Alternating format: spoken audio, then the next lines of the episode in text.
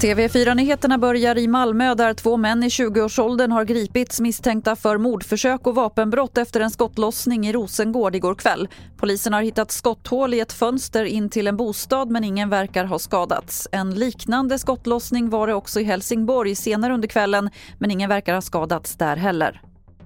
Så till kriget i Ukraina där president Zelensky bekräftade i sitt nattliga tal att 156 personer från det ockuperade stålverket i Mariupol har satts i säkerhet.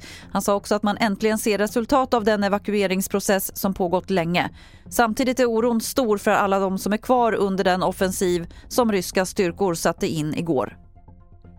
Många starka röster har hörts efter det läckta dokumentet från den amerikanska högsta domstolen som hotar att häva aborträtten i USA. Oklahoma har redan antagit en av de mest restriktiva abortlagarna i landet och USAs vicepresident säger att alla amerikanska kvinnors rättigheter hotas om aborträtten upphävs. Women's rights in America are under attack.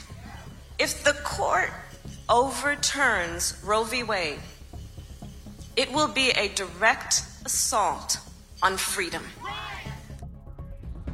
Det sa USAs vicepresident Kamala Harris. Fler nyheter finns på tv4.se. Jag heter Lotta Wall.